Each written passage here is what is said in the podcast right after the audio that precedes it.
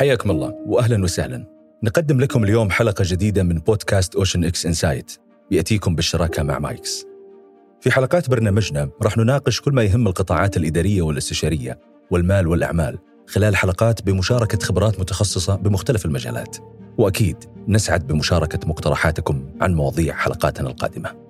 تدشين أول حافلة نقل عام كهربائية في المملكة خبر تناقلته وسائل الإعلام عن تشغيل حافلات كهربائية ضمن مسارات النقل العام في جدة وذلك انطلاقا لتحقيق استراتيجية النقل والخدمات اللوجستية اللي تهدف لخفض الانبعاثات الكربونية بنسبة 25% وذلك من منطلق رفع جودة الحياة ودعم التقنيات الصديقة للبيئة أو ما يسمى بالتقنيات الخضراء. التغيرات المناخية اللي تمثل أحد التهديدات البيئية اللي تؤرق العالم ويشار دائما للدول الصناعية الكبرى كجزء كبير من زيادة خطورة التلوث البيئي وتفاقمه. نتيجة للعمليات الصناعية المعقدة اللي تستهلك كميات من الطاقة وتخلف قدرا كبيرا من الملوثات. أبرزها انبعاثات ثاني أكسيد الكربون.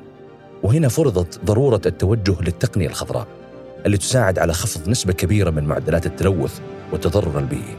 وهذه قد تكون هي المحطة الأولى نحو مواجهة الممارسات الملوثة والوصول إلى مناخ آمن بيئيا يتكفل بالاستدامة وجودة الحياة للأجيال القادمة. أنا عبد المجيد بامنيف واليوم حلقتنا بعنوان التقنية الخضراء واللي نستعرض فيها معلومات عن التقنية الخضراء وأشكالها وتطبيقاتها وجهود المملكة لتبنيها والعوائد والعوائق اللي تواجه هذه التقنية. بداية يشير مفهوم التقنية الخضراء إلى التطورات والتقنيات الأقل ضررا وتعرف أيضا بالتقنية البيئية أو التقنية النظيفة أو التقنية المستدامة لكونها تقنيات صديقة للبيئة تعمل على تخفيف حدة التغيرات المناخية اللي تهدد أمن وسلامة الكوكب. وتشمل التقنيات الخضراء كل ما يقلل من كمية الطاقة المستخدمة أو يعيد تدوير المواد المستخدمة والتقنيات عديمة الانبعاثات الضارة وكافة الابتكارات المستخدمة لتخفيض حدة تغير المناخ. وهذا هو الحال اليوم حيث يعود تاريخ نشأة التقنية الخضراء اللي نشدها في عصرنا الحديث إلى أوائل القرن العشرين اللي بدأ من خلالها العلماء بمراقبة الآثار البيئية للمنشآت الصناعية العاملة في حرق الفحم. واهتم المصنعون بتقليل التأثيرات البيئية السلبية فتأسست وكالة حماية البيئة عام 1970 وعملت على وضع ضوابط ومتطلبات صارمة بشأن التلوث والنفايات. ومن هنا كانت البداية الفعلية لعهد الاهتمام بالتقنية الخضراء. تتعدد أهداف التقنية الخضراء وتنقسم إلى ثلاثة أنواع رئيسية.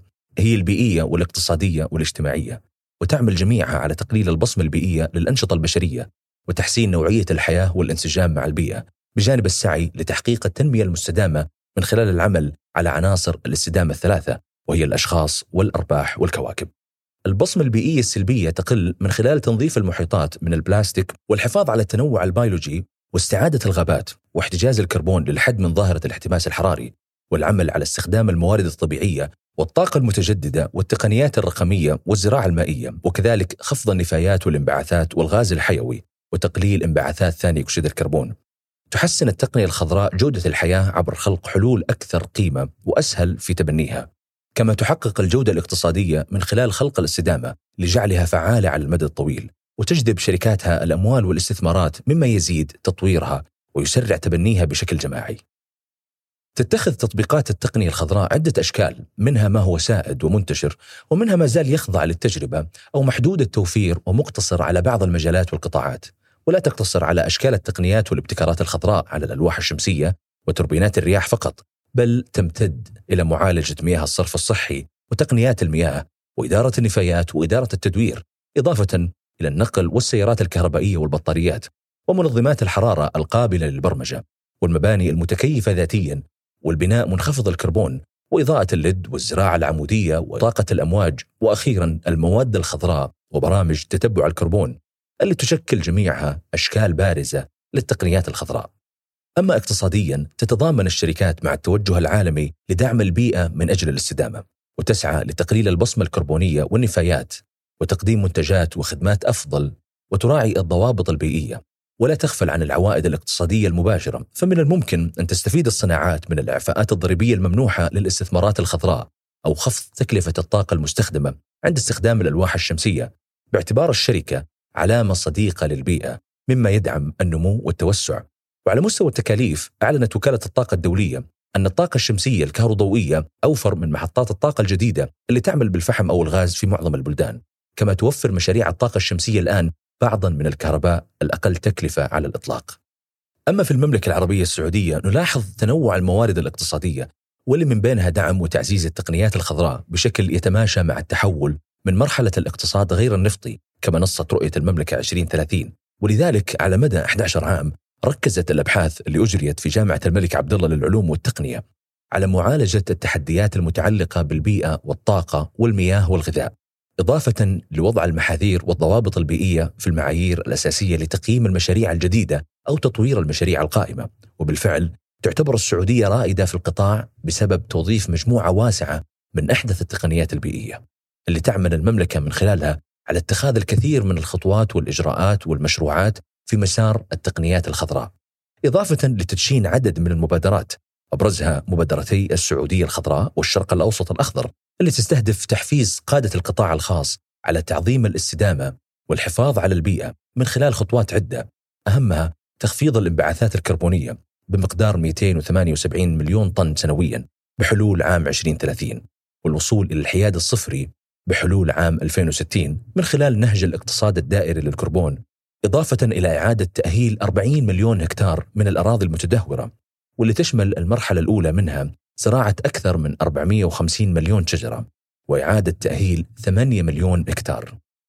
وعلى مستوى التراخيص والإجراءات حددت المملكة بعض متطلبات التراخيص للأنشطة واللي تلزم جميع المشاريع بمعايير وضوابط محددة لتطبيق أحدث التقنيات البيئية اللي تعزز الكفاءة وتقلل انبعاثات الغازات السامة إضافة لدعم جميع المنشآت الصناعية ذات مشاريع التحول الأخضر من خلال المساعدة والدعم المالي للمشاركة في المبادرة الخضراء وتطوير الشركات الصغيرة والمتوسطة الداعمة للتحول الأخضر ومنحها الحوافز على استخدام أحدث التقنيات البيئية لتقلل من النفايات. كما تسعى المملكة للتنسيق مع مختلف دول مجلس التعاون الخليجي لنشر الجهود والحد من انبعاثات الغازات السامة وإدارة النفايات بجانب توعية الأفراد بأهمية التقنيات البيئية.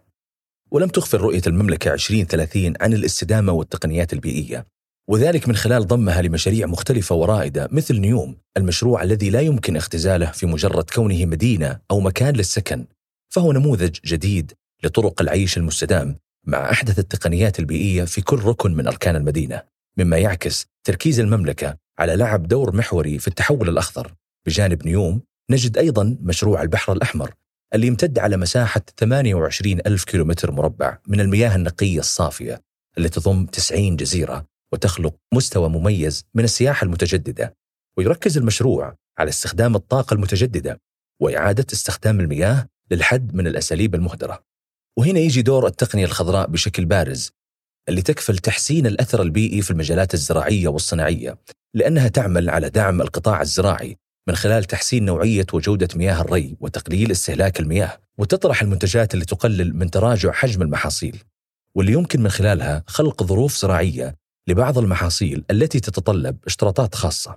وعلى الجانب الصناعي تسعى التقنية الخضراء إلى تقليل تكلفة الطاقة والصيانة والعمليات وعدم التعرض للمخالفات الخاصة بالتلوث البيئي بجانب تحسين الصورة البيئية للشركات حيث تعد كل الابتكارات الخضراء مصادر متجددة بعكس النفط وذلك نتيجة ارتباطها بالمصادر الطبيعية.